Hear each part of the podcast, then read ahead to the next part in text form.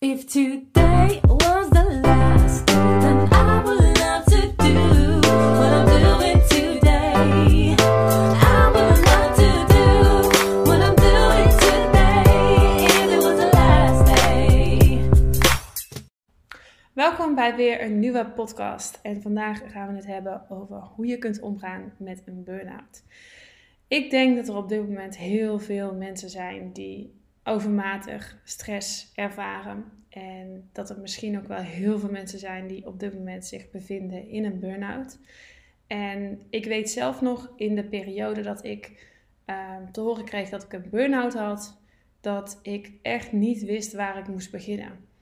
Ehm, ik weet wel dat er een aantal mensen tegen mij zeiden: Priscilla, je moet gewoon heel veel rust nemen. En je moet lekker gaan sporten. Je moet heel veel leuke dingen doen. En je moet vooral niet thuis op de bank gaan zitten en bij de pakken neer gaan zitten. En iemand anders die zei tegen me: Je moet echt naar binnen keren. Toen dacht ik: Naar binnen keren? Hoe, hoe doe ik dat? Ik wist echt niet waar ik moest beginnen.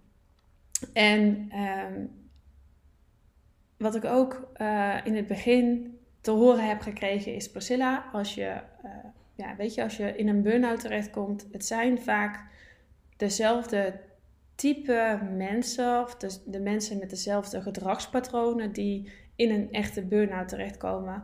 En dat zijn over het algemeen mensen die altijd doorgaan en uh, moeilijk nee kunnen zeggen. Misschien ook wel echte people pleasers. Daar herken ik me ook wel echt enorm in.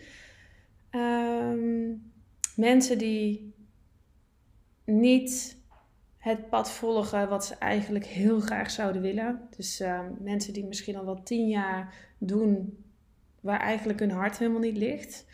Um, maar er, heeft natuurlijk ook, er zijn ook een aantal aspecten die, ja, die bijdragen aan uiteindelijk de ontploffing, zoals ik het maar noem. Zodat je dus echt in die burn-out terechtkomt. Dus dat er gewoon echt een halt geroepen wordt. En dat doet jou, eh, dat, daar sturen je hersenen op aan. Dat er zo'n enorme disbalans is ontstaan in jouw handelen, in je levensstijl, in je doen en denken. Dat de enige optie nog is jou in een burn-out terecht te laten komen.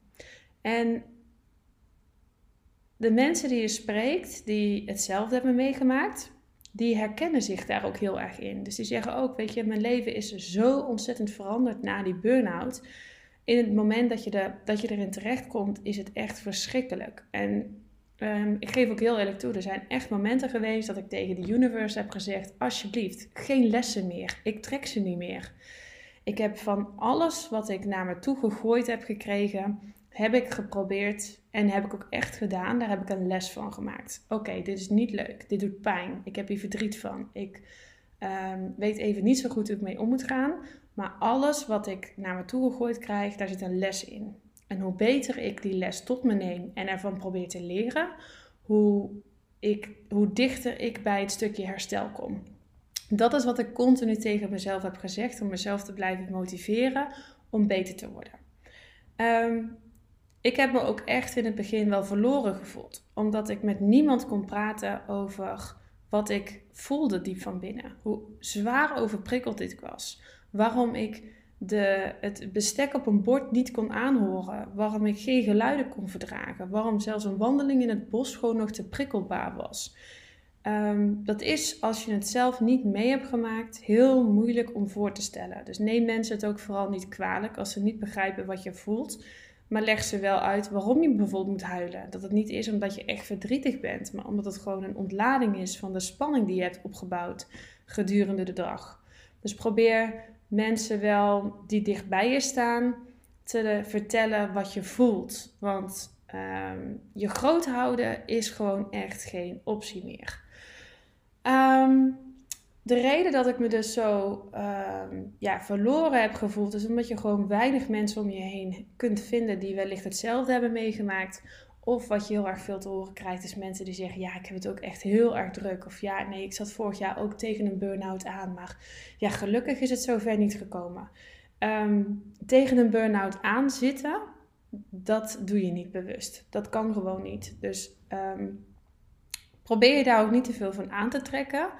Um, maar probeer gewoon echt te focussen op je eigen herstel. Het is niet leuk. Er komt heel veel bij kijken. Je gaat door een diep dal. Maar uiteindelijk, wanneer je begint te klimmen, dan zul je zien dat er aan de andere kant van die berg echt iets heel moois ligt. En dat het veel mooier is als het leven wat je leidde voor die burn-out. Dus ehm, blijf vooral heel erg positief. Ehm, ik weet dat het heel erg moeilijk is en daarom heb ik deze podcast opgenomen om jou ehm, ja, toch wel wat eh, tips mee te geven die, waar ik heel veel baat bij heb gehad. En hoe ik, ehm, ja, hoe ik mijn uh, burn-out heb kunnen dealen met mijn burn-out. En ik hoop dat je daar wat steun aan kunt vinden. want ja, het is gewoon heel erg moeilijk om mensen te vinden die je op een goede manier kunnen begeleiden. Um, als aller, aller, allereerste is, misschien klinkt het heel erg stom, um, maar ik wil het wel gezegd hebben. Ik weet nog dat ik mezelf een doel had gesteld. In maart kwam ik thuis te zitten en ik had mezelf als doel gesteld dat ik in september weer beter zou zijn. Als er één iets is wat je niet meer kunt doen als je een burn-out hebt, dan is het wel doelen stellen. Gewoon geen doel meer. Het enige doel wat je hebt is proberen te ontspannen. Want dat is echt het aller, aller, allermoeilijkste wanneer je een burn-out hebt. Ontspannen, um, dat is ook zoeken naar antwoorden. Van, uh, wat, wat voor mij heel erg moeilijk was, was um, zoeken naar dingen die ik leuk vond. Want ja, wat vond ik leuk buiten mijn werk? Ik wist het gewoon echt niet meer. Ik was compleet mijn bedrijf geworden. Ik was alleen nog maar Priscilla de ondernemer, Priscilla de online marketeer, Priscilla die heel graag haar uh, kennis en informatie wilde overdragen door middel van trainingen. Daar genoot ik ook echt van, maar het sloopte me ook. Um, ik dacht dat ik echt het leven leidde wat ik heel erg graag wilde. Um, ja, en dat ik altijd achter de feiten aanliep en moeite had met ontspannen en heel veel hoofdpijn had. Ja, dat was een bijkomstigheid waar ik maar even doorheen moest. Um, nou, dat, dat, nu weet ik dat dat natuurlijk niet zo is. Dat het gewoon echt is omdat er een heftige disbalans is ontstaan in mijn hoofd. En dat ik dus echt moest gaan leren om te ontspannen. Um, wat mij heel erg hielp met ontspannen, is dingen doen die, uh, waar ik wel geconcentreerd voor moest zijn. Maar die me ook een soort van kick gaven. Nou, wat ik heel erg leuk vond, ik ging natuurlijk de zomer in. En wat ik uh, super leuk vond, is om te gaan suppen. Op een subboard moet je toch wel balanceren. Super lief. Ik had voor mijn vriend en van mijn zoontje had ik een subboard gekregen. Dus ze kwamen teruggelopen naar de boot en ze hadden voor mij een subboard gekocht. En je moet best wel balanceren. En uh, balanceer je niet goed genoeg of er komt een hoge golf aan, dan, uh, ja, dan lig je in het water. Dus het is een beetje hetzelfde als skiën. Misschien heb je wel ooit geskiet. Je moet zo concentreren op het moment dat je de berg aft skiet, dat je geen tijd hebt om aan andere dingen te denken. Dus op dat moment geef je echt je gedachten de rust. En voor mij was het als ik op een gegeven moment echt heel veel last had van spanningen en ik heel erg moe was. En met moe bedoel ik dat ik zo gespannen was dat ik eigenlijk niks meer kon verdragen. Dus niet dat ik moe was in de vorm van ik moet slapen.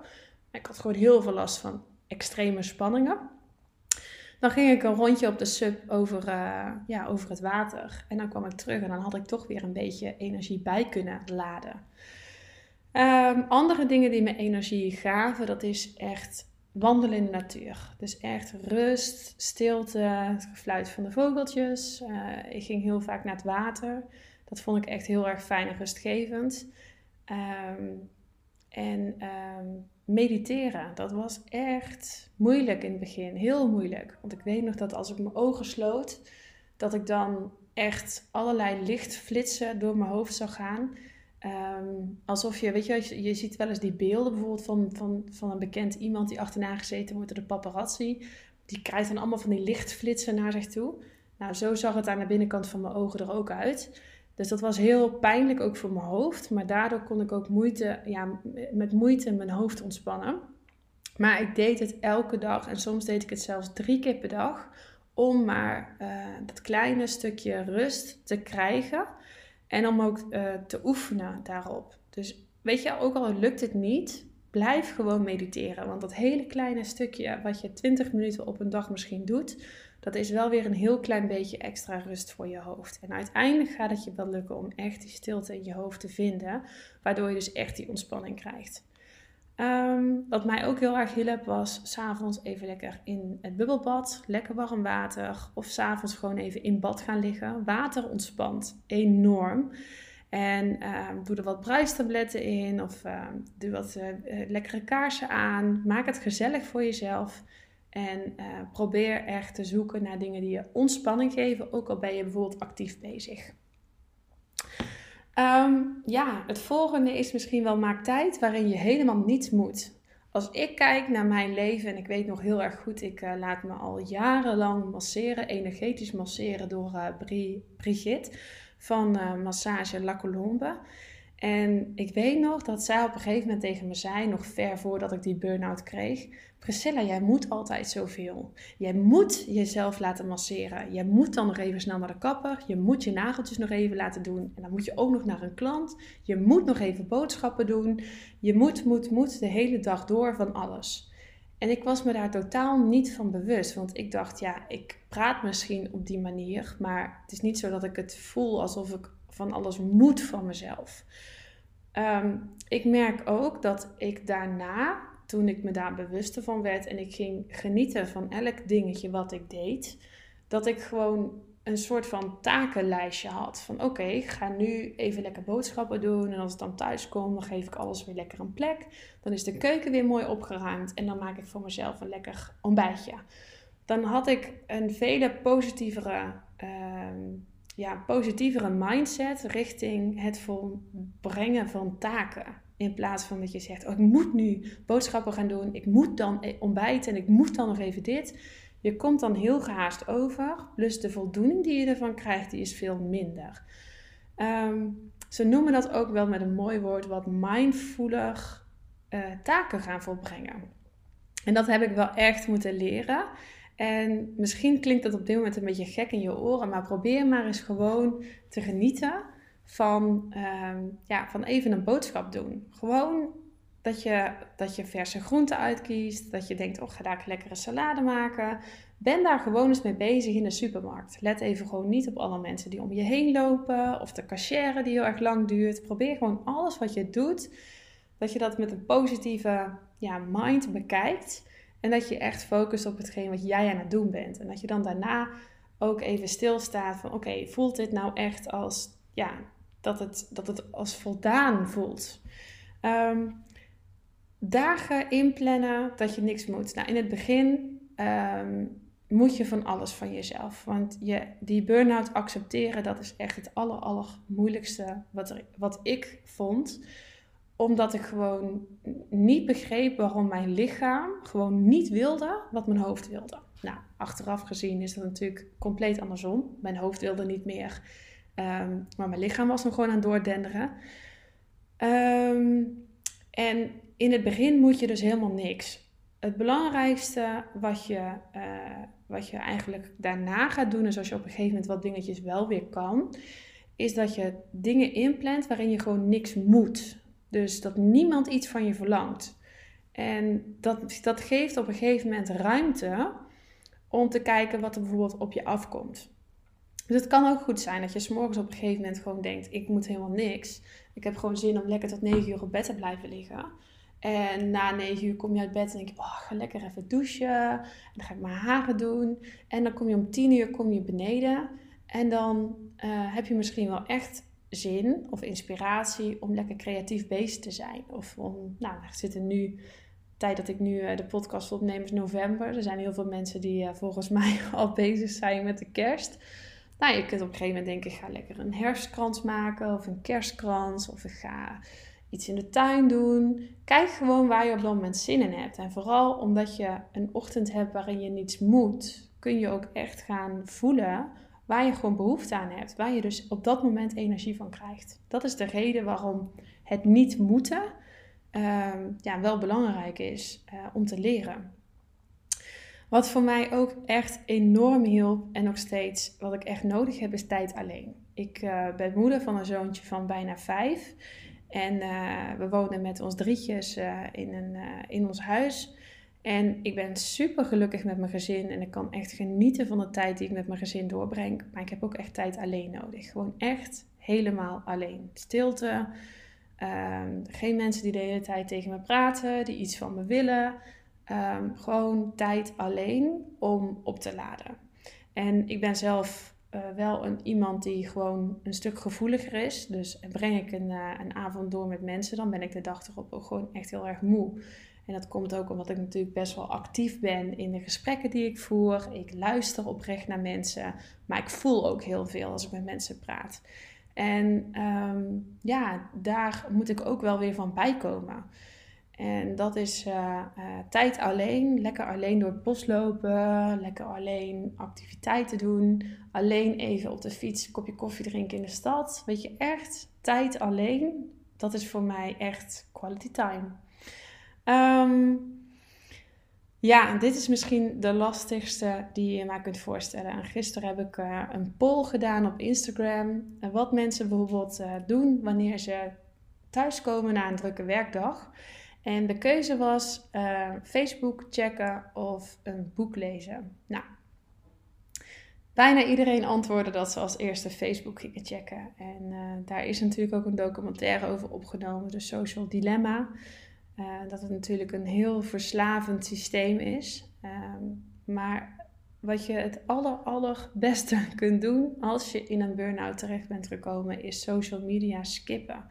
Ik heb geen social media meer op mijn telefoon. Mensen denken dat ik heel actief ben op social media, maar dat, uh, dat is niet zo.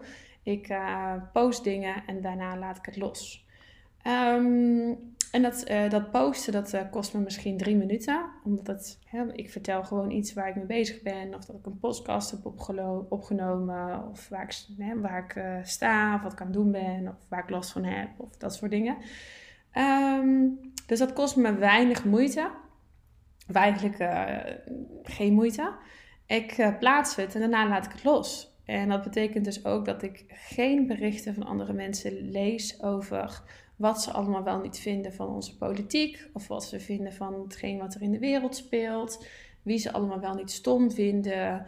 Um, dat heb ik volledig los kunnen laten en daar ben ik echt dik twee jaar mee bezig geweest. Dus uh, verwacht van jezelf niet dat als je morgen al je social media van je telefoon afgooit, dat je dan genezen bent van het feit dat je met social media bezig wil zijn. Um, mijn vriend heeft het onlangs ook gedaan. En hij heeft het tot drie keer toe, heeft hij Facebook terug op zijn telefoon gezet. En hij zei op een gegeven moment tegen mij, Priscilla, inderdaad, um, ik ben me er nu bewust van. Er staat zoveel onzin op Facebook en het doet ook echt iets met me. En ik wil dat niet, want ik wil niet beïnvloed worden. Ik, uh, ik, die onzin die hoeft mij helemaal niet te bereiken. Het, het is een waste of energy. Dus um, je, skip social media als het je energie kost. Wat je bijvoorbeeld wel kunt doen, en dat doe ik wel, is uh, ik heb Instagram wel op mijn telefoon, omdat Instagram natuurlijk um, alleen maar gepost kan worden vanuit een uh, systeem. Of ja, als je, het, uh, als je de Instagram stories wilt posten, dan moet dat echt via je telefoon. Um, maar ik heb wel al mijn pushmeldingen uitstaan. Dus mijn telefoon gaat nooit af. En ik had uh, laatst mijn schoonzusje, die, die, was bij een, die was bij ons op bezoek. En die had de telefoon op tafel liggen. En ik zag echt continu die telefoon op bliepen. En ik werd daar heel onrustig van. Terwijl het niet eens mijn telefoon was. Maar ik zag Snapchat kwam binnen, WhatsApp kwam binnen, groepschats die kwamen binnen, Facebook. Alle social media kanalen die je maar kunt bedenken.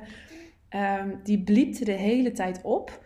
En dat is ook wel wat je bijvoorbeeld ziet bij Facebook, is dat echt wanneer iemand van jouw vrienden iets plaatst, dan krijg je zelfs al een melding. Dus die meldingen de hele dag door, die maken eigenlijk dat je continu naar dat platform toe wil. Ja, en dat is natuurlijk ook het hele idee van social media, is dat er zoveel mogelijk tijd op het platform doorgebracht wordt. Um, maar als jij in een burn-out zit, dan is dat echt niet goed voor je, want het is echt een energielek. En je hebt al geen energie. Dus die lekken, die kun je gewoon, die kun je niet hebben. Die kun je niet verdragen bij hetgeen wat je daarnaast nog moet doen. Dus uh, probeer social media te skippen. En kijk waar je bijvoorbeeld inspiratie uit haalt. Dus Pinterest zijn hele leuke platformen om eens te kijken voor een leuk recept. Of dat je een keer een taart gaat bakken. Of een healthy cheesecake. Of dat je een kerstkrans maakt. Of dat je een idee opdoet hoe je je tuin wil inrichten, welke bloemen je mooi vindt, dat soort dingen. Dat levert inspiratie op. En Dat is weer een stukje energie wat goed is voor je. Maar ga alsjeblieft niet de hele dag door, door je tijdlijn heen scrollen. En lezen wat al jouw vrienden wel niet vinden van de wereld. En jezelf laten verleiden tot allerlei reacties die alleen maar negatieve energie opleveren. Ehm, wat ook echt mij heel erg veel hielp om, uh, om energie te krijgen, is uh, luisteren naar podcast. En ik luisterde echt naar podcast uh, van ja, Charlotte Labé. Die begon toen net een podcast in die periode. En zij kwam zelf uit een burn-out. En zij is daarna uh, brain balance expert geworden. Ze heeft zich helemaal laten omscholen. En ze heeft zich helemaal verdiept in het menselijk brein. En allerlei disbalansen die ontstaan in het brein. Waardoor je dus last krijgt van stress, van burn-out. Maar ook ander soort klachten. En um, haar podcast, die vond ik heel erg fijn, omdat ze echt aan het delen was, gewoon praktische informatie aan het delen was, waar ik ook echt wel iets mee kon. Um, wat ik ook deed was naar uh, muziek luisteren waar ik echt energie van kreeg. En uh, weet je, dat is voor iedereen anders. Ik, ik kon echt luisteren naar muziek van Little Kleine en Rap Boef uh, tot aan Madonna. Weet je, gewoon waar ik zin in had. Ik zette vaak gewoon een Spotify playlist aan en dan ging ik lekker wandelen. En het klinkt ook misschien een beetje stom, maar ik liep heel vaak alleen. En dan was er echt niemand om me heen. En als je dan een lekker nummer hoort, dan heb je soms gewoon zin om lekker te bewegen of te dansen. Of doe dat ook gewoon, want dat dansen geeft energie. Dus laat gewoon los. Uh, als niemand kijkt en je wil lekker bewegen, gewoon doen. Of sta s op, gooi de muziek aan en ga lekker dansen. Dus kijk uh, waar jij je energie van krijgt. Wat andere podcasts die ik heel erg leuk vind om te luisteren, dat zijn de podcasts van Jay Shetty. Um, ik vind het hele mooie podcast omdat het echt heel erg gaat over lifestyle, over relaties, over gedragspatronen. Vind ik heel erg leuk om naar te luisteren. Uh, zakelijke podcast, uh, ja, Leef je mooiste leven podcast van Michael Pilagic. Um, ja, dat is wel echt een van mijn favorieten. En vooral omdat hij zo lekker kan filosoferen over het leven. En ja, dat, dat motiveert mij heel erg om mijn mooiste leven te gaan leven. En dat was voor mij echt wel een houvast toen ik uh, ja, midden in die burn-out terecht kwam. Ja, om mijn mooiste leven te gaan creëren. En uh, nou, dat toekomstbeeld, daar heb ik de hele tijd aan vastgehouden. Um, wat ik ook heb gedaan, is ik heb een bloedtest laten doen. Uh, misschien heb je heel erg last van cravings. Dus misschien heb je echt super veel last van dat je veel suiker wil hebben. Dat je misschien heel zout wil eten. Ik had echt mega veel craving naar suiker. Ik stond s morgens op en dan had ik al zin in Belgische bonbons. Ik ben ook eerlijk gezegd best wel wat aangekomen in de periode dat ik dus die burn-out, uh, dat ik daarop afstevende. Ja, weet je, um, mensen kunnen heel makkelijk roepen: je moet geen suiker meer eten, want dan krijg je heel veel stress. Dat klopt, maar er zit een disbalans in jouw hoofd. En die zorgt ervoor dat jij heel erg cravings krijgt. En daar kun je gewoon echt geen weerstand tegen bieden. Het is niet zo simpel dat je zegt, nou, ik ga vandaag gewoon, ik ga vanaf nu geen suiker meer eten. Want dan, uh, dan gaat het een stuk beter met mijn hoofd. Zo werkt dat niet. Er is een disbalans en die disbalans, die zul je moeten zien op te lossen. En dat is een zoektocht van waar zit die disbalans? Nou, dat zijn allerlei verschillende factoren natuurlijk bij elkaar. Um, en een van die factoren is bijvoorbeeld een aantal supplementen. Dus bijvoorbeeld bepaalde tekorten die zijn ontstaan door de manier van leven die jij hebt gehad. En bij mij was het bijvoorbeeld heel erg dat ik een zwaar magnesiumtekort had. En um, nou, het grappige is, als je dus heel veel, als je dus echt een tekort hebt uh, uh, van magnesium, dus echt magnesium nodig hebt, dan heb je dus heel veel cravings naar suiker. Nou, dat was voor mij echt een eye-opener dat ik dacht, oké, dit, dit is de reden dat ik zo, naar, zo hunker naar suiker. Um, magnesium zit bijvoorbeeld ook wel in um, uh, voeding. Dus uh, de juiste voeding kiezen. Veel groenten. Niet extreem veel fruit gaan eten. Want fruit zit ook heel veel fruitsuikers in. Dus probeer te begrijpen welke processen zich afspelen in jouw lichaam. Ook al, weet je, je bent geen arts, maar we kunnen allemaal ons verdiepen in ons menselijk lichaam en in ons brein. Er is superveel informatie vindbaar uh, online. En er zijn heel veel mensen die er verstand van hebben, die eh, daarover tips geven. En het makkelijkste wat je kunt doen is gewoon een bloedtest. En dat kun je volgens mij ook wel bij de huisarts doen. Ik heb het zelf gedaan. Ik heb een EMB bloedtest laten doen. Um, die kun je onder andere op het platform van José kopen. Dat heet Inzicht in je hormonen. Dus er is een disbalans in je, hormoon, uh, in je hormonen ontstaan met allerlei gevolgen van dien. En um, daarbij krijg je dus bepaalde cravings.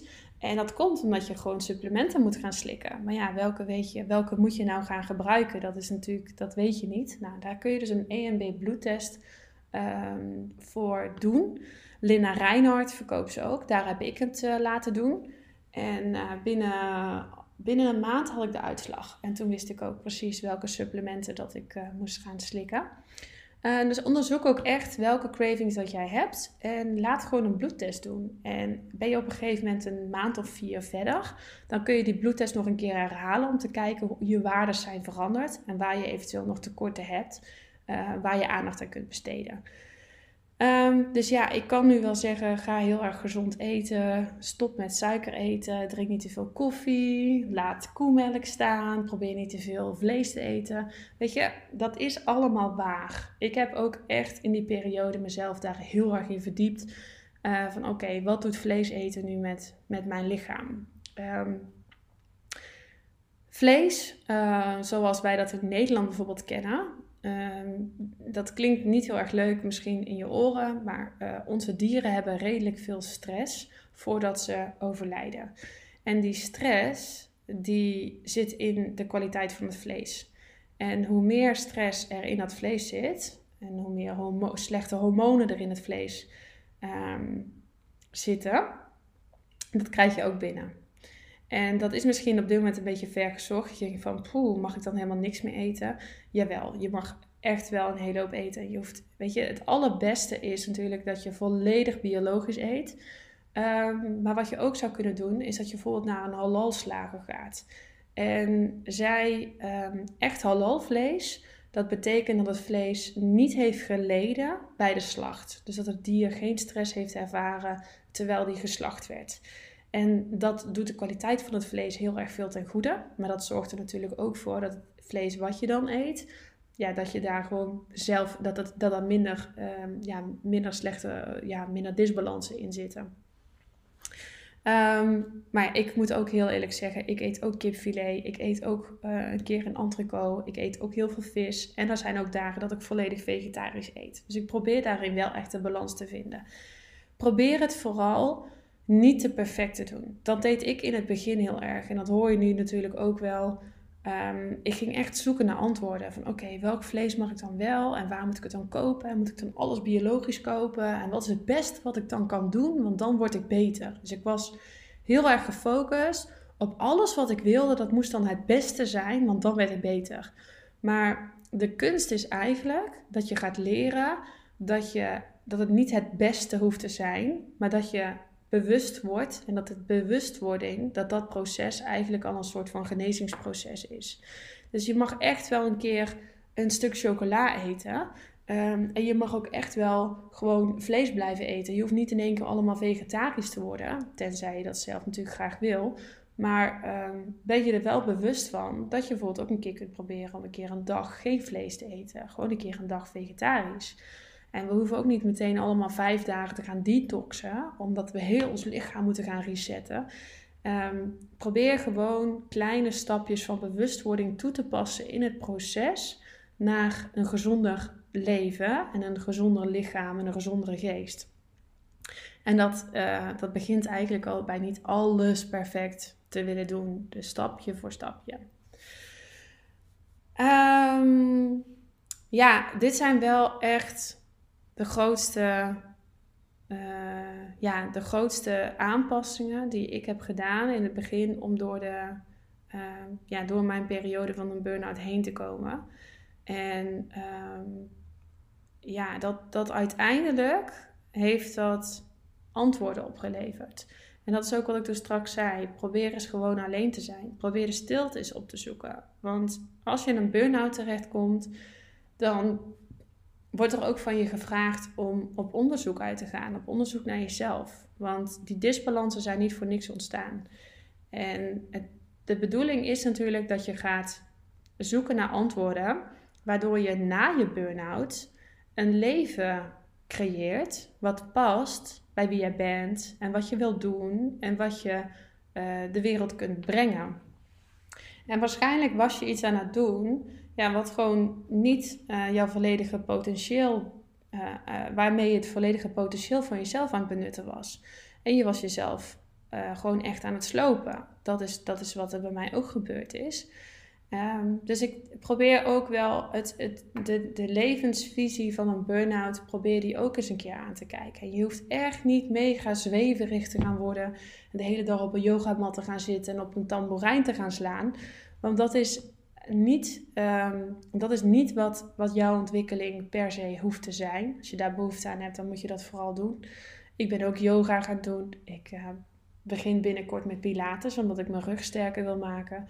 Maar dat komt omdat ik elke keer aan het zoeken ben naar antwoorden. Naar wat heb ik nodig? Ik vraag heel vaak aan mezelf: wat heb ik nu nodig? Wat heb ik nodig om nu van die spanningen af te komen?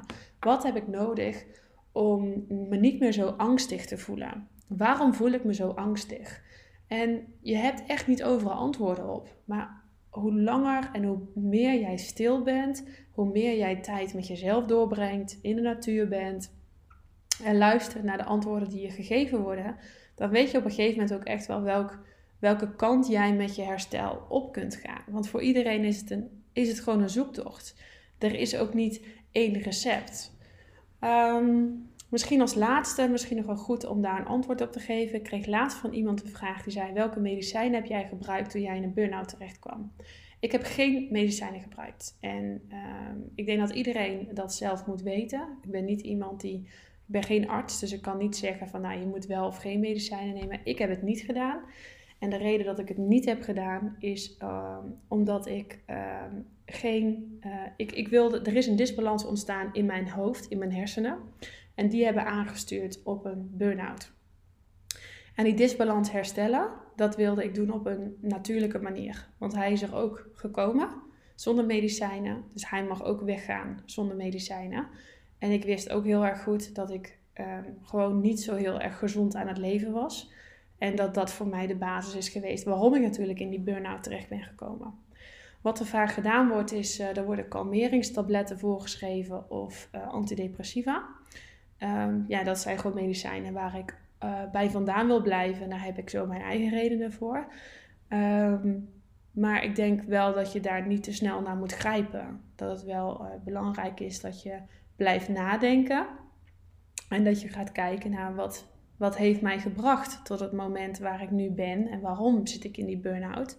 En op het moment dat je dan medicijnen gaat slikken, dan, um, ja, dan verdoof je ook eventjes um, ja, een bepaald moment. Dus dan word je ook wat vlakker in je emoties.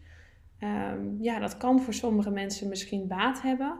Maar ik heb er dus bewust voor gekozen om dat niet te doen. En ik ben er heel blij mee dat ik dat niet heb gedaan. Want um, het herstelproces van een burn-out is niet even in een paar maanden gefixt. Ik ben zelf nu bijna twee jaar onderweg en ik ben er nog steeds niet helemaal vanaf.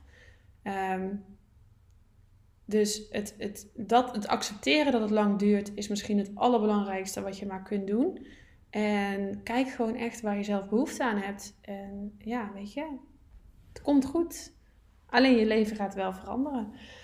Um, nou, ik heb uh, mijn uh, tips met je gedeeld. Ik heb uh, met je gedeeld ja, hoe ik de periode ben doorgekomen, wat ik heb gedaan, waar ik heel veel aan heb gehad. En um, ja, ik hoop dat je daar zelf nu ook iets aan hebt en dat het voor jou ja, nuttig was. Ik uh, wil je in ieder geval heel erg bedanken voor het luisteren naar deze podcast. Um, nou ja, en hopelijk tot de volgende keer. If today was the last, then I would love to do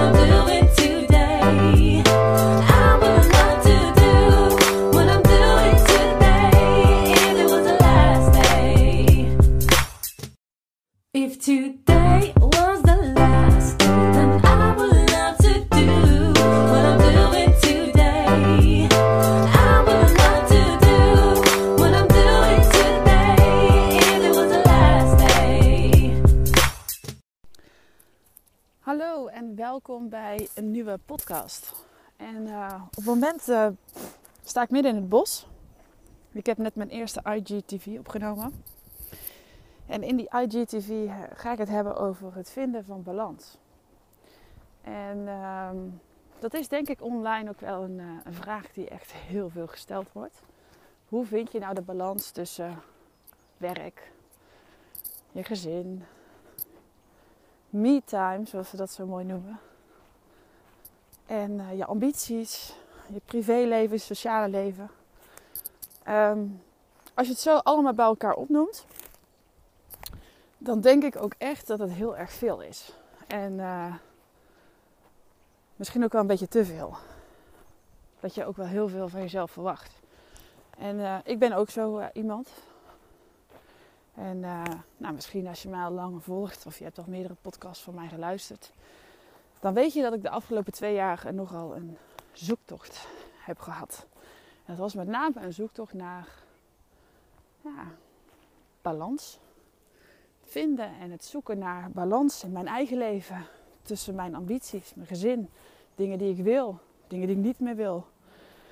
Ehm, en dat was ook eh, de reden dat ik dus vanmorgen... Ik had gisteravond heb ik een, eh, hebben een visite gehad, familie. Heel gezellig, veel kinderen erbij. Hartstikke leuk. Maar dan heb ik dus vandaag ook echt eventjes tijd alleen nodig. Tijd om mijn gedachten de vrije ruimte te laten. Dat er niks ingestopt wordt. De natuur in helpt voor mij heel erg. Ehm, en dat is denk ik ook wel de boodschap die ik eh, twee jaar geleden als eerste kreeg.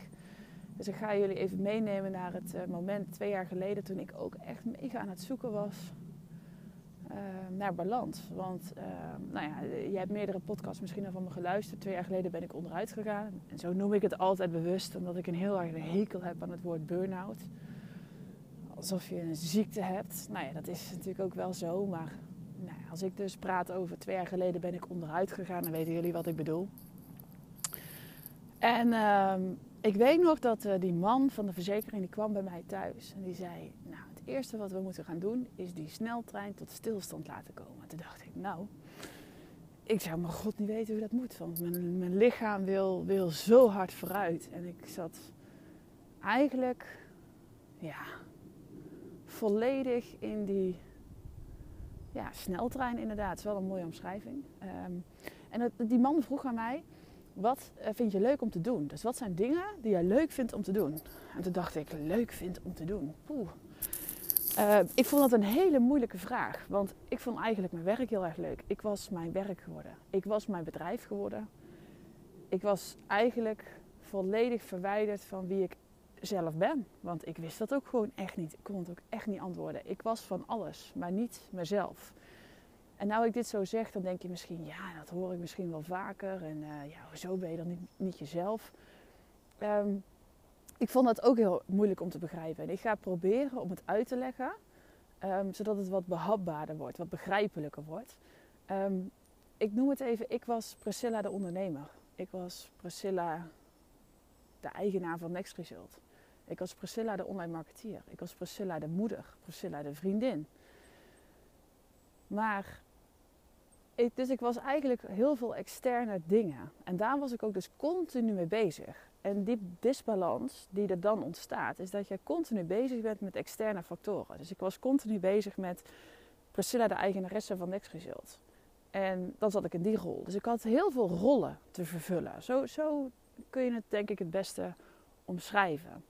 Maar er is natuurlijk één hele belangrijke rol die jij hebt te vervullen. En dat is jouw eigen rol. En die was ik dus echt volledig kwijt. Dus toen die man aan mij vroeg: wat vindt Priscilla leuk om te doen? Toen wist ik het oprecht niet. Ik wist het echt niet. Die man zei tegen mij: wat kost jou weinig energie? En wat levert jouw energie op? Nou, inmiddels wist ik natuurlijk wel dat werken mij geen energie meer opleverde en ook heel veel energie kostte. Daar was ik achter gekomen. Maar dat accepteren is natuurlijk wel even een. Dat, dat is niet van vandaag of morgen gebeurd. Ik, was, ik zat nog vol in die doelen stellen, to-do-lijst afmaken. Oké, nou, we hebben een burn-out te pakken. Ehm, we gaan een uh, plan opstellen. Ehm, zeg maar wat ik moet doen om hier zo snel mogelijk uit te komen. En ik wil in september weer volledig aan de slag kunnen. En als er iets is wat je met een burn-out niet moet doen, en dat heb ik in een andere podcast ook uitgelegd, dan is het wel doelen stellen. Want het kan gewoon niet. Je moet je volledig overgeven aan ja, eh, de, de lessen die je moet gaan leren. Want dat is wel, ehm, zoals ik het zie, een burn-out is wel een geschenk in vermomming. Eh, je krijgt hem niet voor niks. Daar hebben jouw hersenen op aangestuurd. En eh, de bedoeling is dat je dus echt gaat leren ehm, ja, over jezelf. Waar komen die disbalansen vandaan? Hoe zijn ze ontstaan?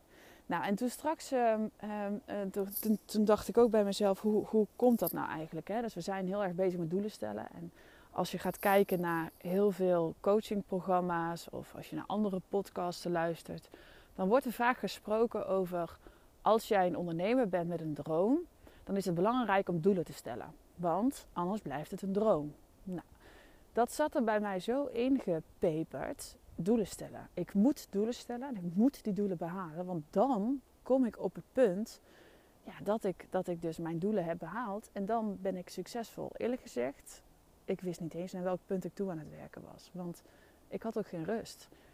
En eigenlijk is het zo dat je dus uh, gaat zoeken naar balans ehm, tussen ehm, ehm, ja, de weg die je aan het afleggen bent en het doel wat je wil behalen. En dat was, dat was ik toch best wel kwijt. Want als je jezelf afvraagt, ik, ik had dat, daar toen geen antwoord op. En ik zal dadelijk mijn antwoord geven wat ik nu heb.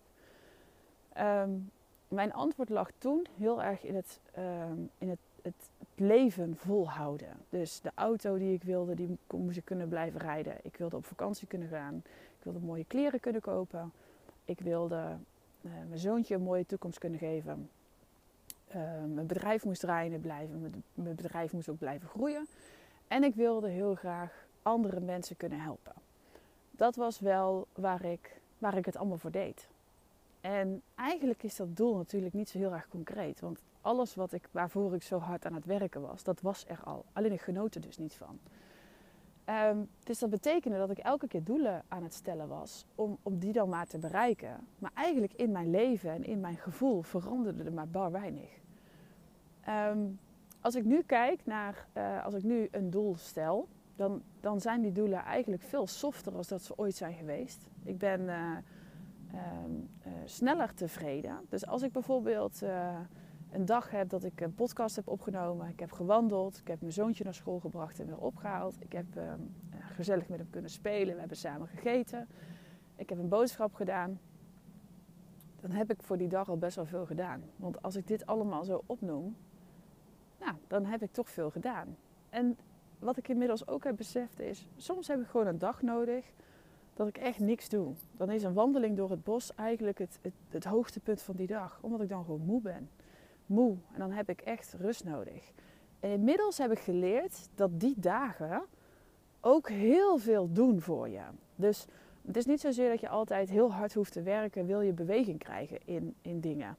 Dus, dus eigenlijk ga je leren om van een afstand te kijken naar het pad wat je aan het bewandelen bent richting dat doel.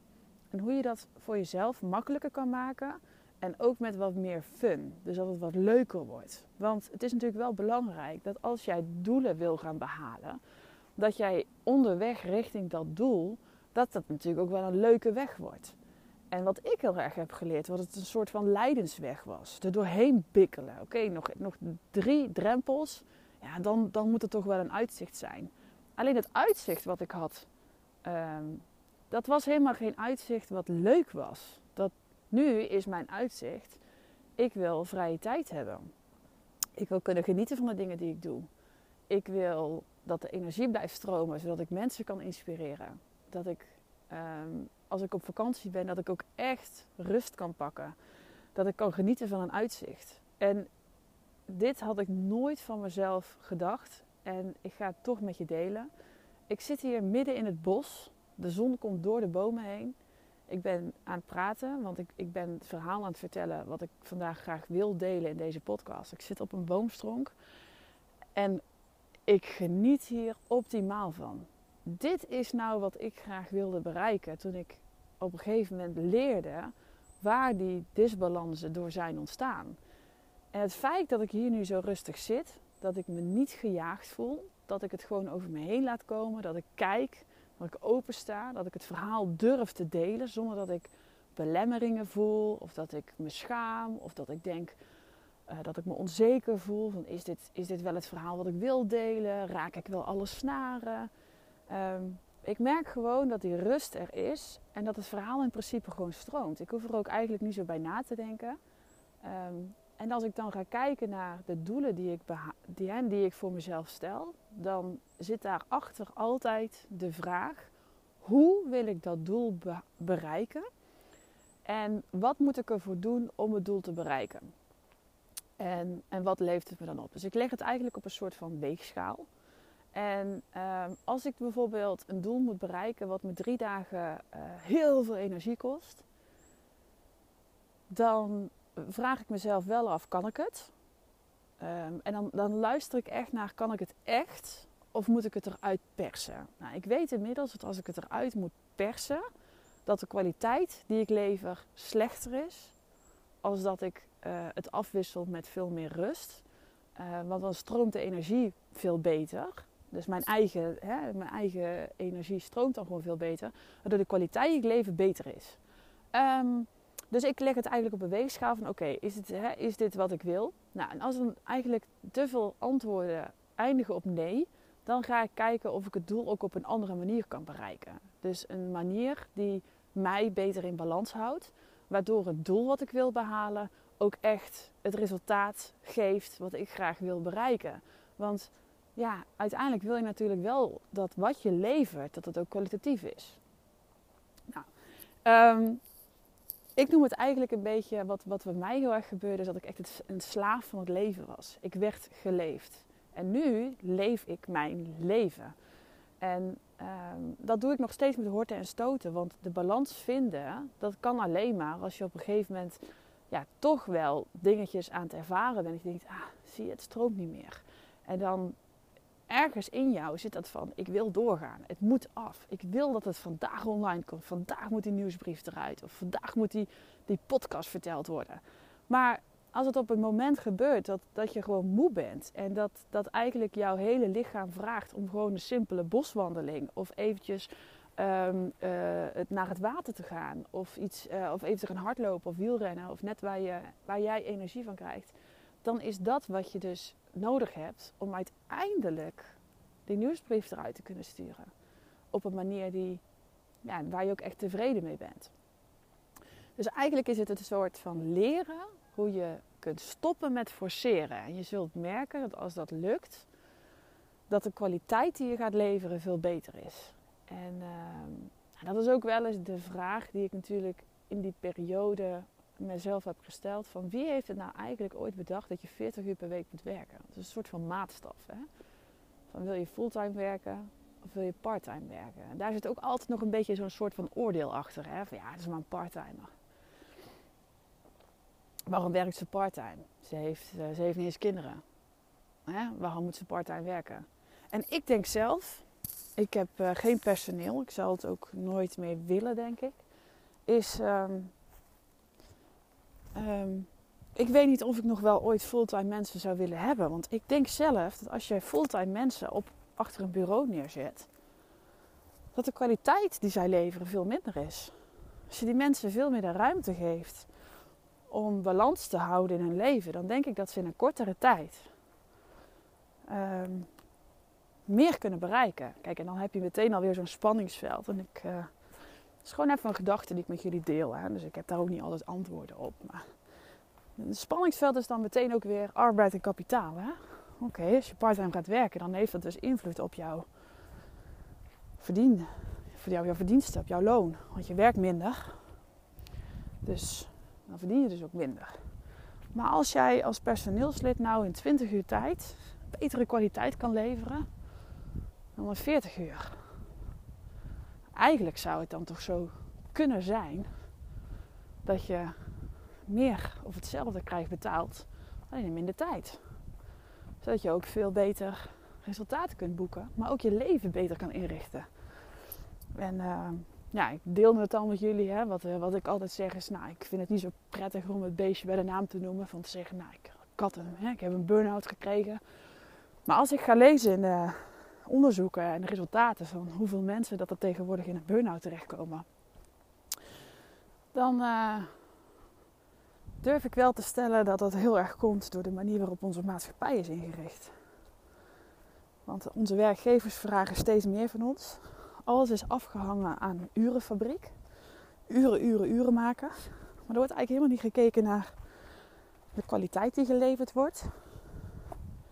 En eh, hoeveel ruimte iemand heeft. Want als ik heel eerlijk ben, als ik eh, 40 uur per week zou werken.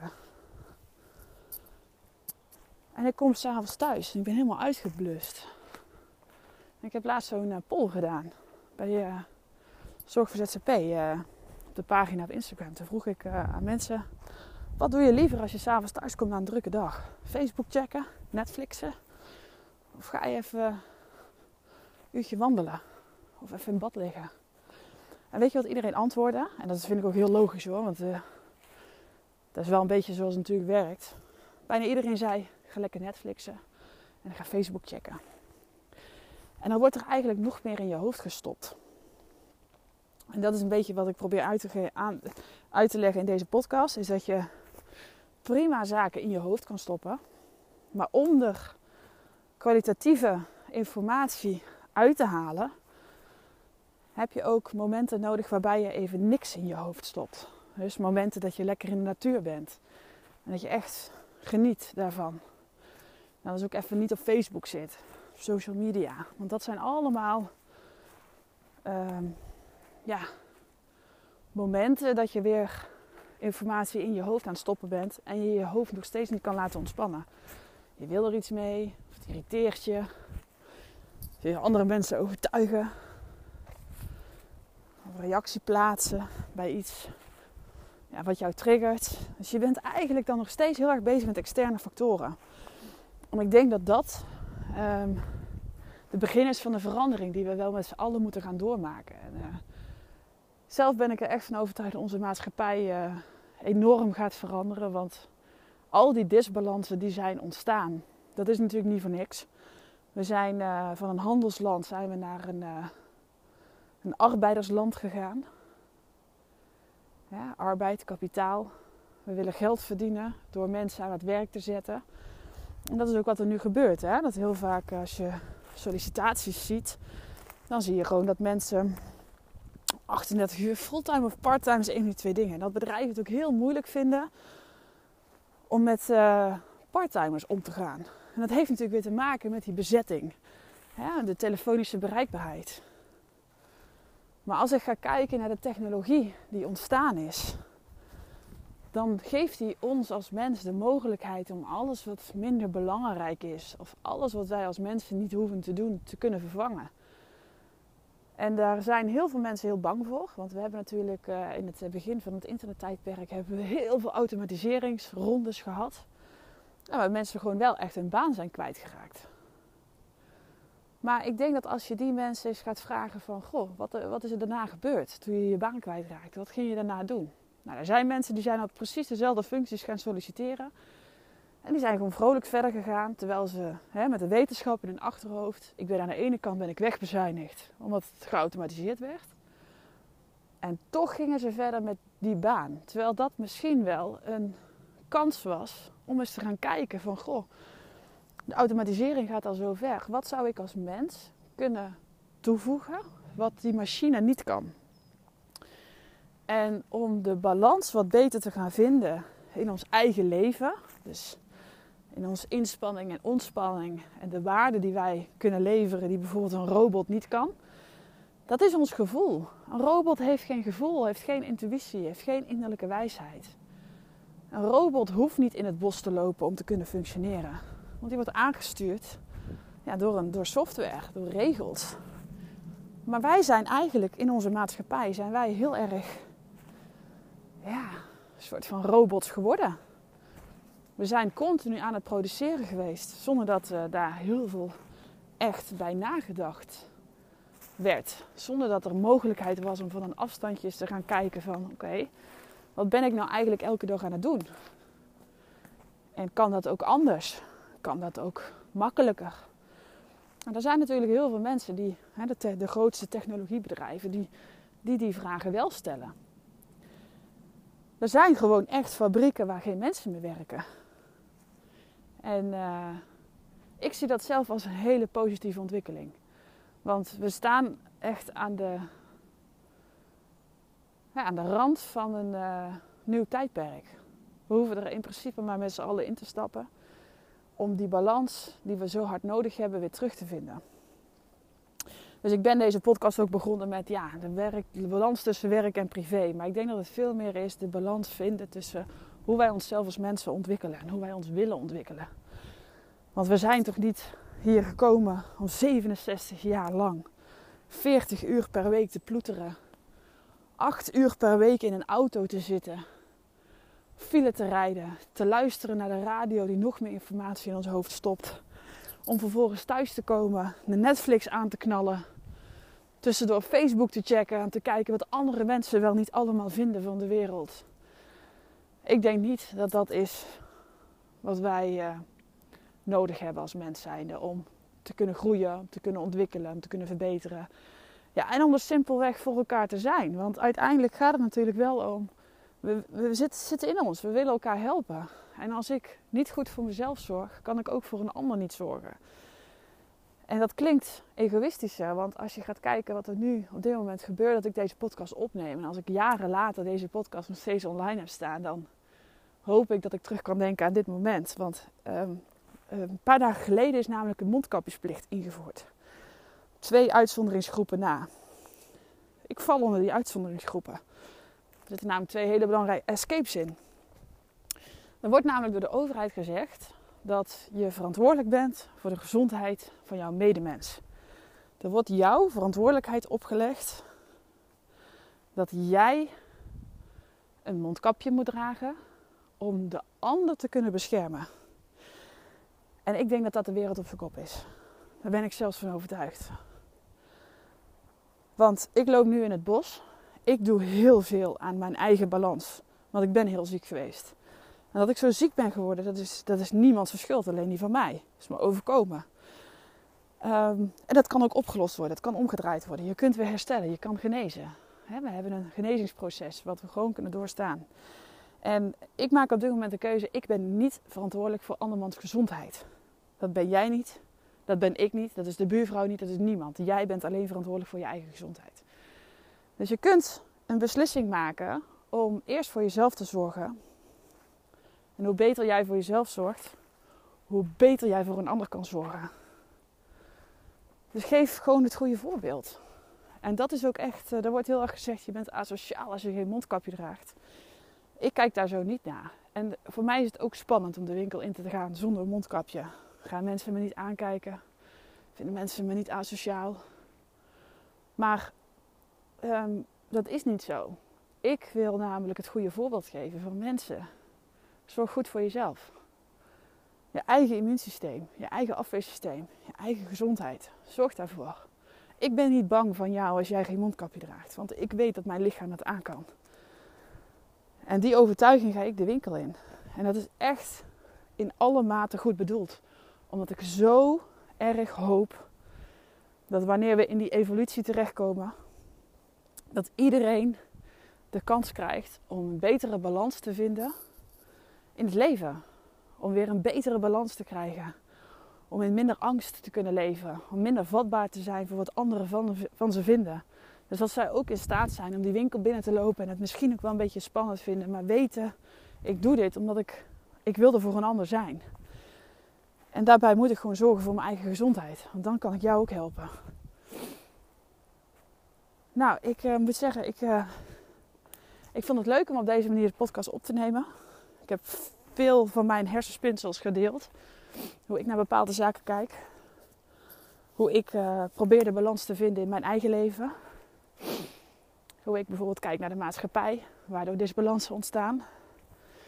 En ik denk dat dat niet alleen voor ondernemers heel belangrijk is, maar juist voor mensen die nog in loondienst werken. Want ze hebben gewoon minder bewegingsvrijheid dan een ondernemer. En dat ook werkgevers, dus mensen die zelf personeel hebben, is gewoon kritisch gaan kijken naar hun bedrijf. Is het noodzakelijk dat mijn personeel 40 uur per week hier op een bureaustoel zit? Kan mijn bedrijf niet veel harder groeien als ik investeer in mijn mensen? Zodat zij meer tijd hebben voor zichzelf. Ik ben benieuwd. Nou, ik wil voor jullie nu heel erg bedanken voor het luisteren. Ik hoop dat je een leuke podcast vond. Dat je wellicht aan het denken zet. Ik hoop dat ik je heb mogen inspireren met mijn verhaal. En uh, nou, mochten er andere mensen zijn waarvan je zegt, die mogen deze podcast zeker luisteren, dan uh, hoop ik dat je hem deelt. Voor nu, heel erg bedankt voor het luisteren. If today was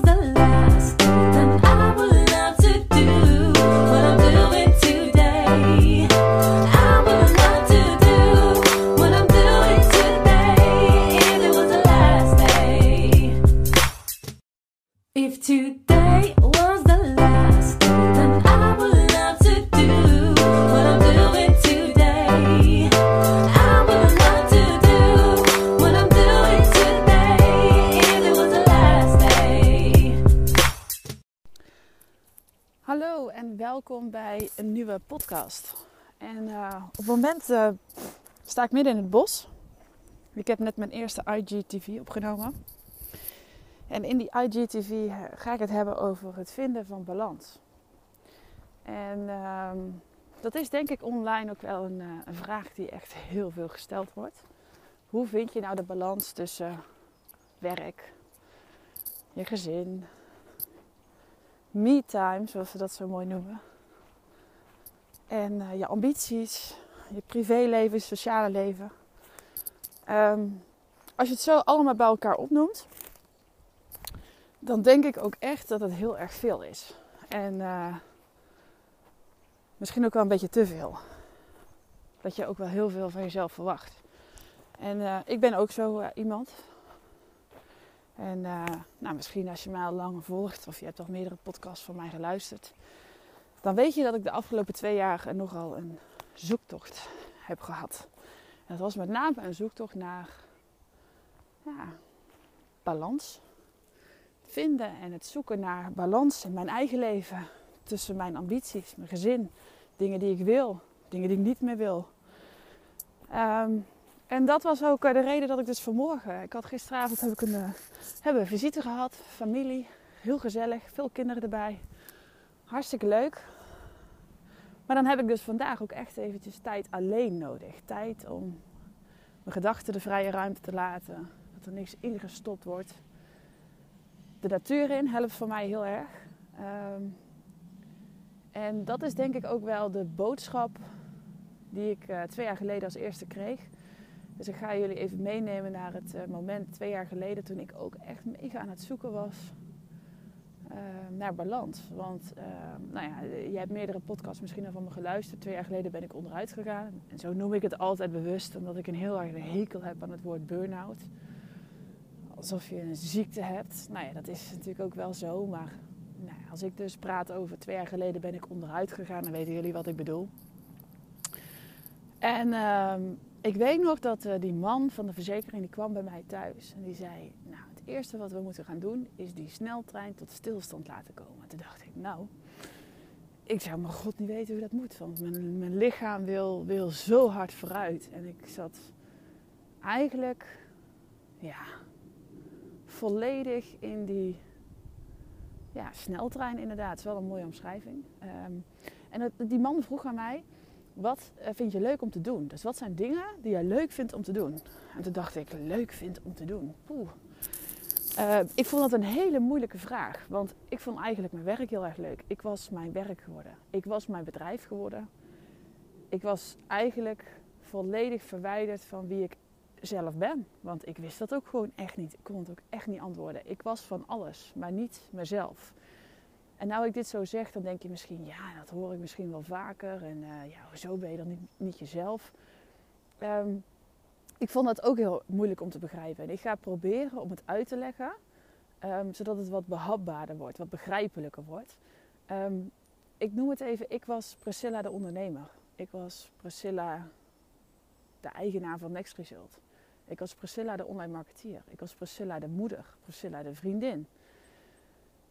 Maar dus ik was eigenlijk heel veel externe dingen. En daar was ik ook dus continu mee bezig. En die disbalans die er dan ontstaat, is dat je continu bezig bent met externe factoren. Dus ik was continu bezig met Priscilla, de eigenaresse van Result.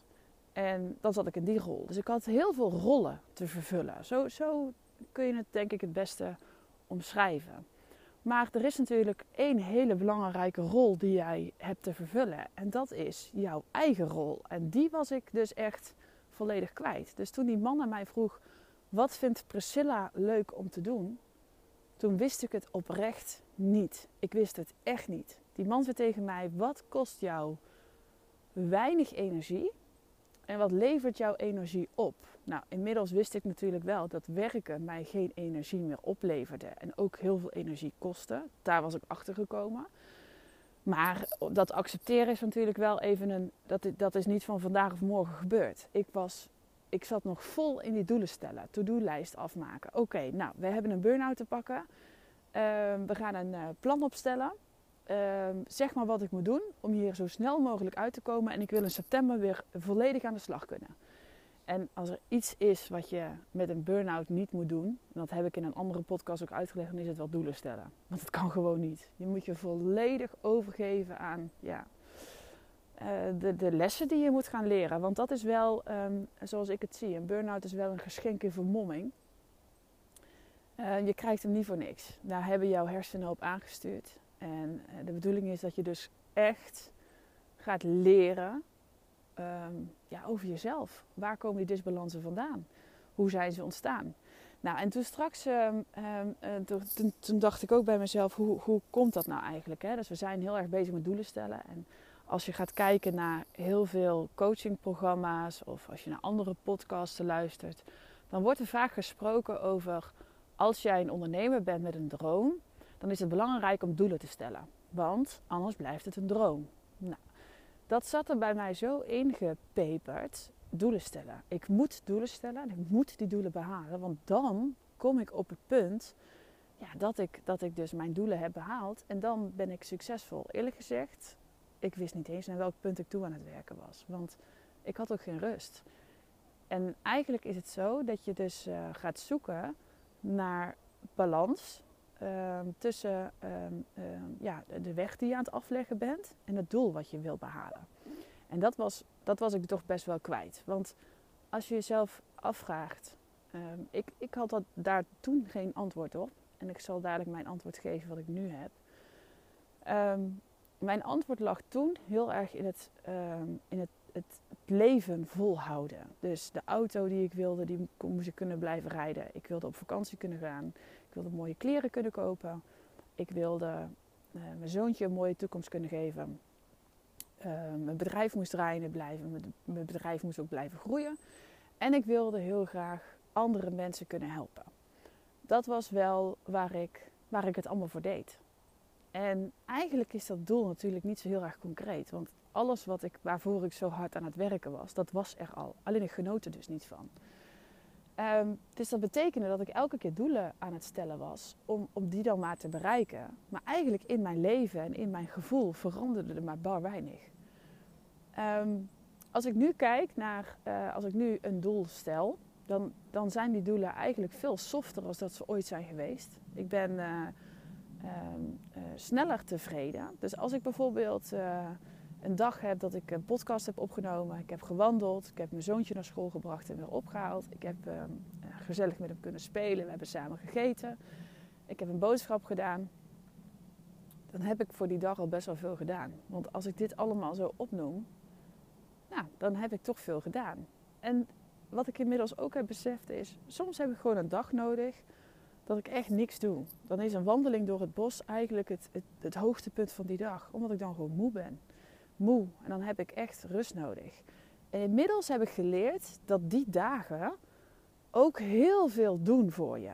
Dus het is niet zozeer dat je altijd heel hard hoeft te werken, wil je beweging krijgen in, in dingen. Dus, dus eigenlijk ga je leren om van afstand te kijken naar het pad wat je aan het bewandelen bent richting dat doel. En hoe je dat voor jezelf makkelijker kan maken. En ook met wat meer fun. Dus dat het wat leuker wordt. Want het is natuurlijk wel belangrijk dat als jij doelen wil gaan behalen, dat jij onderweg richting dat doel, dat dat natuurlijk ook wel een leuke weg wordt. En wat ik heel erg heb geleerd, wat het een soort van leidensweg was. Er doorheen bikkelen. Oké, nog, nog drie drempels. Ja, dan, dan moet er toch wel een uitzicht zijn. Alleen het uitzicht wat ik had, ehm, dat was helemaal geen uitzicht wat leuk was. Dat, nu is mijn uitzicht, ik wil vrije tijd hebben. Ik wil kunnen genieten van de dingen die ik doe. Ik wil dat de energie blijft stromen, zodat ik mensen kan inspireren. Dat ik, ehm, als ik op vakantie ben, dat ik ook echt rust kan pakken. Dat ik kan genieten van een uitzicht. En dit had ik nooit van mezelf gedacht. En ik ga het toch met je delen. Ik zit hier midden in het bos. De zon komt door de bomen heen. Ik ben aan het praten, want ik, ik ben het verhaal aan het vertellen wat ik vandaag graag wil delen in deze podcast. Ik zit op een boomstronk en ik geniet hier optimaal van. Dit is nou wat ik graag wilde bereiken toen ik op een gegeven moment leerde waar die disbalansen door zijn ontstaan.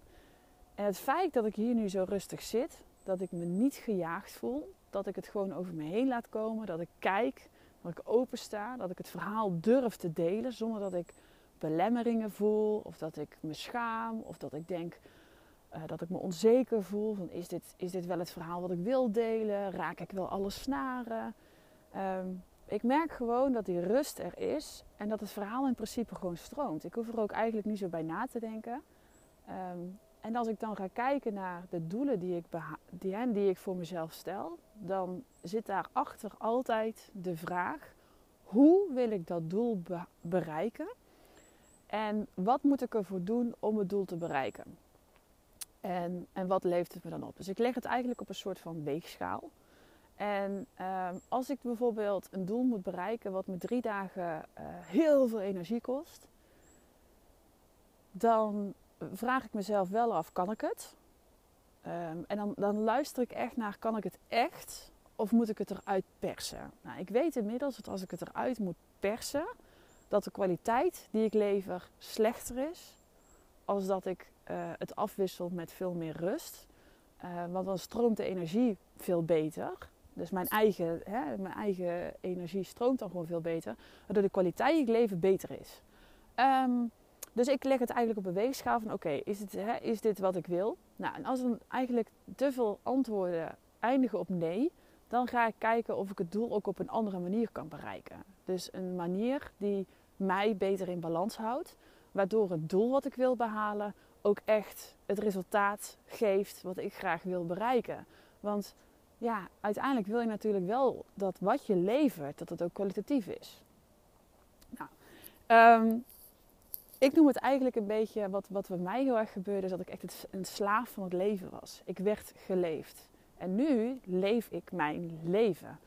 En um, dat doe ik nog steeds met horten en stoten. Want de balans vinden, dat kan alleen maar als je op een gegeven moment ja, toch wel dingetjes aan het ervaren bent. En je denkt, ah, zie je, het stroomt niet meer. En dan ergens in jou zit dat van, ik wil doorgaan. Het moet af. Ik wil dat het vandaag online komt. Vandaag moet die nieuwsbrief eruit. Of vandaag moet die, die podcast verteld worden.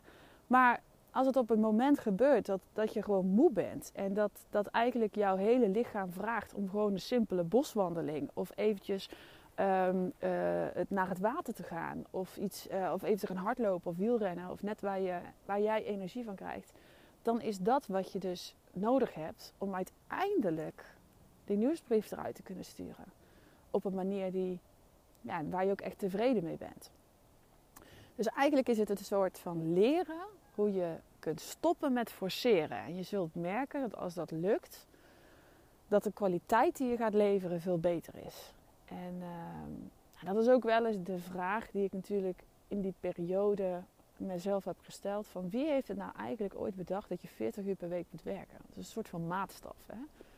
Van wil je fulltime werken of wil je parttime werken? En daar zit ook altijd nog een beetje zo'n soort van oordeel achter. Hè? Van ja, het is maar een parttimer.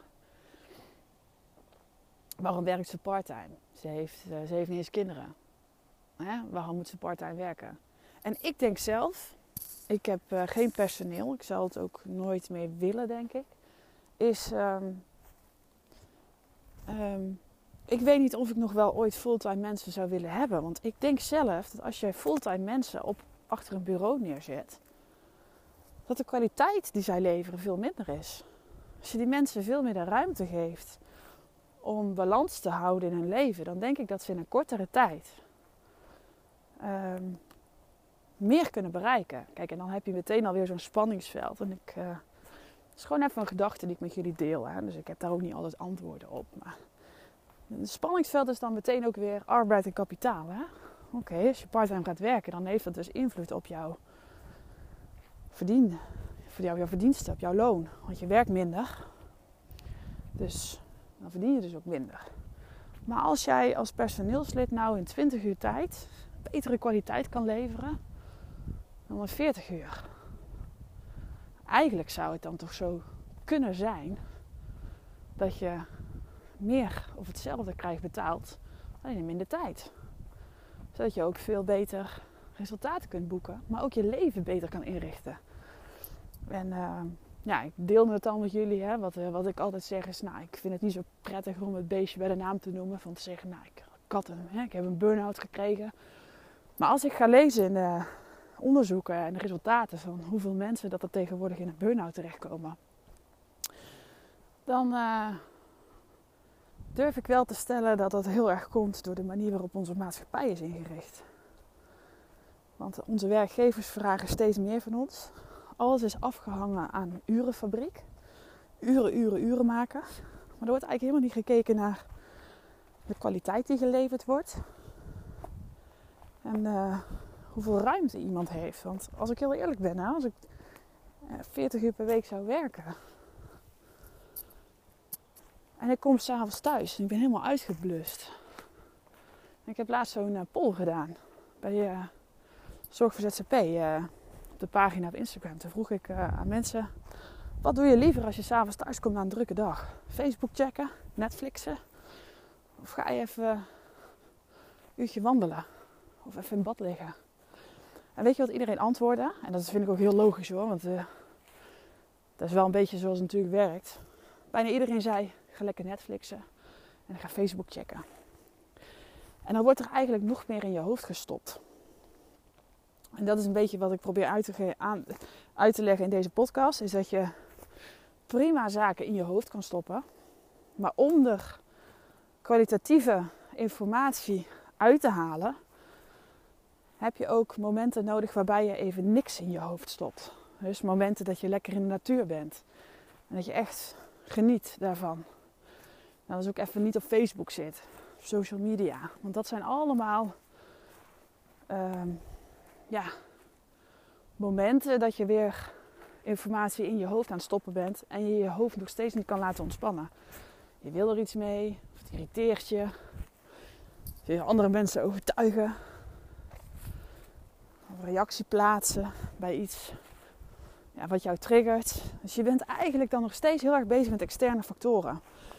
En ik denk dat dat um, de begin is van de verandering die we wel met z'n allen moeten gaan doormaken. En, uh, zelf ben ik er echt van overtuigd dat onze maatschappij uh, enorm gaat veranderen. Want al die disbalansen die zijn ontstaan, dat is natuurlijk niet voor niks. We zijn uh, van een handelsland zijn we naar een, een arbeidersland gegaan. Arbeid, kapitaal. We willen geld verdienen door mensen aan het werk te zetten. En dat is ook wat er nu gebeurt. Hè? Dat heel vaak als je sollicitaties ziet, dan zie je gewoon dat mensen 38 uur fulltime of parttime is een van die twee dingen. En dat bedrijven het ook heel moeilijk vinden om met uh, parttimers om te gaan. En dat heeft natuurlijk weer te maken met die bezetting. De telefonische bereikbaarheid. Maar als ik ga kijken naar de technologie die ontstaan is, dan geeft die ons als mens de mogelijkheid om alles wat minder belangrijk is, of alles wat wij als mensen niet hoeven te doen, te kunnen vervangen. En daar zijn heel veel mensen heel bang voor. Want we hebben natuurlijk uh, in het begin van het internettijdperk hebben we heel veel automatiseringsrondes gehad. waar mensen gewoon wel echt hun baan zijn kwijtgeraakt. Maar ik denk dat als je die mensen eens gaat vragen van... Goh, wat, wat is er daarna gebeurd toen je je baan kwijtraakte? Wat ging je daarna doen? Nou, er zijn mensen die zijn op precies dezelfde functies gaan solliciteren. En die zijn gewoon vrolijk verder gegaan, terwijl ze hè, met de wetenschap in hun achterhoofd. Ik ben aan de ene kant ben ik wegbezuinigd, omdat het geautomatiseerd werd.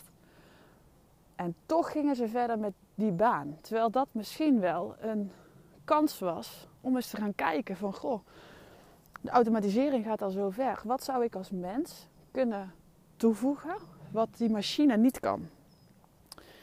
En om de balans wat beter te gaan vinden in ons eigen leven, dus in onze inspanning en ontspanning en de waarde die wij kunnen leveren, die bijvoorbeeld een robot niet kan, dat is ons gevoel. Een robot heeft geen gevoel, heeft geen intuïtie, heeft geen innerlijke wijsheid.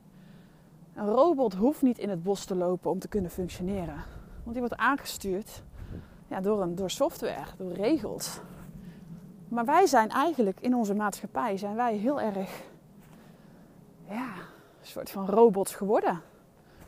We zijn continu aan het produceren geweest zonder dat uh, daar heel veel echt bij nagedacht werd. Zonder dat er mogelijkheid was om van een afstandje eens te gaan kijken van oké, wat ben ik nou eigenlijk elke dag aan het doen?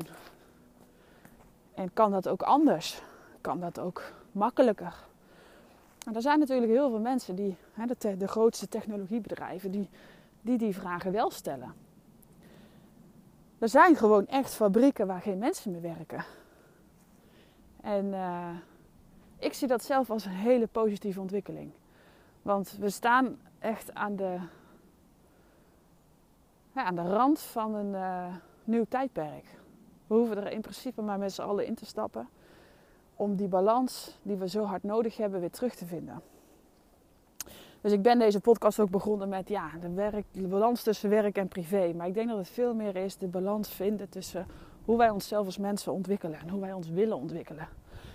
Want we zijn toch niet hier gekomen om 67 jaar lang 40 uur per week te ploeteren, 8 uur per week in een auto te zitten, file te rijden, te luisteren naar de radio die nog meer informatie in ons hoofd stopt, om vervolgens thuis te komen, de Netflix aan te knallen, tussendoor Facebook te checken en te kijken wat andere mensen wel niet allemaal vinden van de wereld. Ik denk niet dat dat is wat wij uh, nodig hebben als mens zijnde om te kunnen groeien, om te kunnen ontwikkelen, om te kunnen verbeteren. Ja, en om er simpelweg voor elkaar te zijn. Want uiteindelijk gaat het natuurlijk wel om.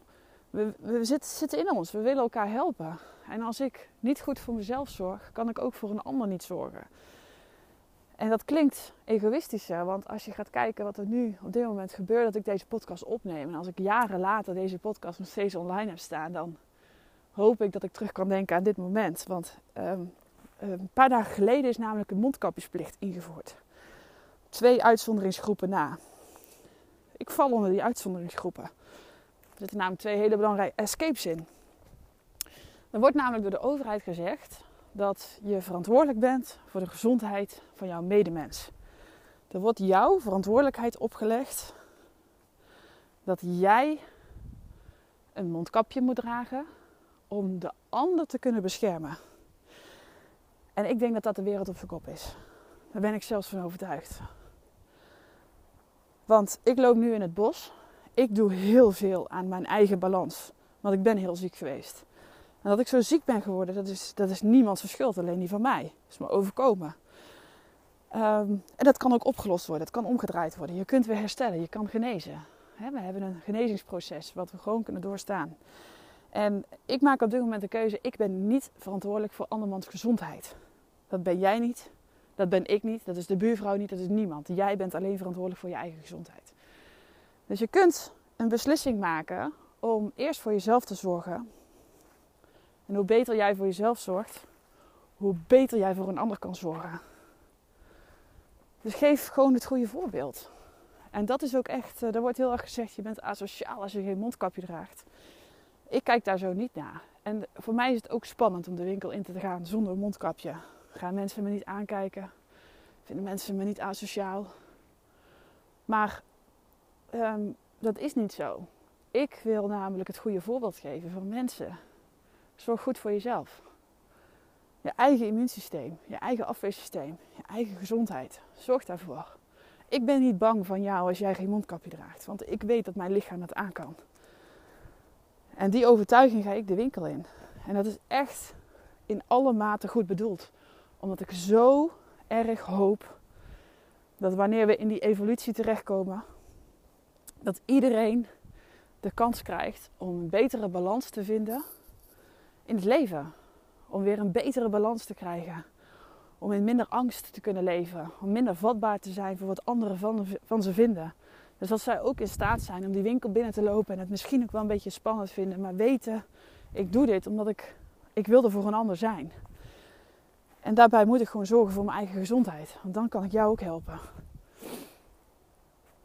Nou, ik eh, moet zeggen, ik, eh, ik vond het leuk om op deze manier de podcast op te nemen. Ik heb veel van mijn hersenspinsels gedeeld. Hoe ik naar bepaalde zaken kijk. Hoe ik eh, probeer de balans te vinden in mijn eigen leven. Hoe ik bijvoorbeeld kijk naar de maatschappij, waardoor disbalansen ontstaan. En ik denk dat dat niet alleen voor ondernemers heel belangrijk is, maar juist voor mensen die nog in loondienst werken. Want ze hebben gewoon minder bewegingsvrijheid dan een ondernemer. En dat ook werkgevers, dus mensen die zelf personeel hebben, is gewoon kritisch gaan kijken naar hun bedrijf. Is het noodzakelijk dat mijn personeel 40 uur per week hier op een bureaustoel zit? Kan mijn bedrijf niet veel harder groeien als ik investeer in mijn mensen? Zodat zij meer tijd hebben voor zichzelf. Ik ben benieuwd.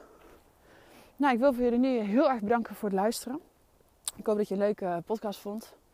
Dat je wellicht aan het denken zet. Ik hoop dat ik je heb mogen inspireren met mijn verhaal. En uh, nou, mochten er andere mensen zijn waarvan je zegt... die mogen deze podcast zeker luisteren... dan uh, hoop ik dat je hem deelt. Voor nu, heel erg bedankt voor het luisteren. If today was the last, then I will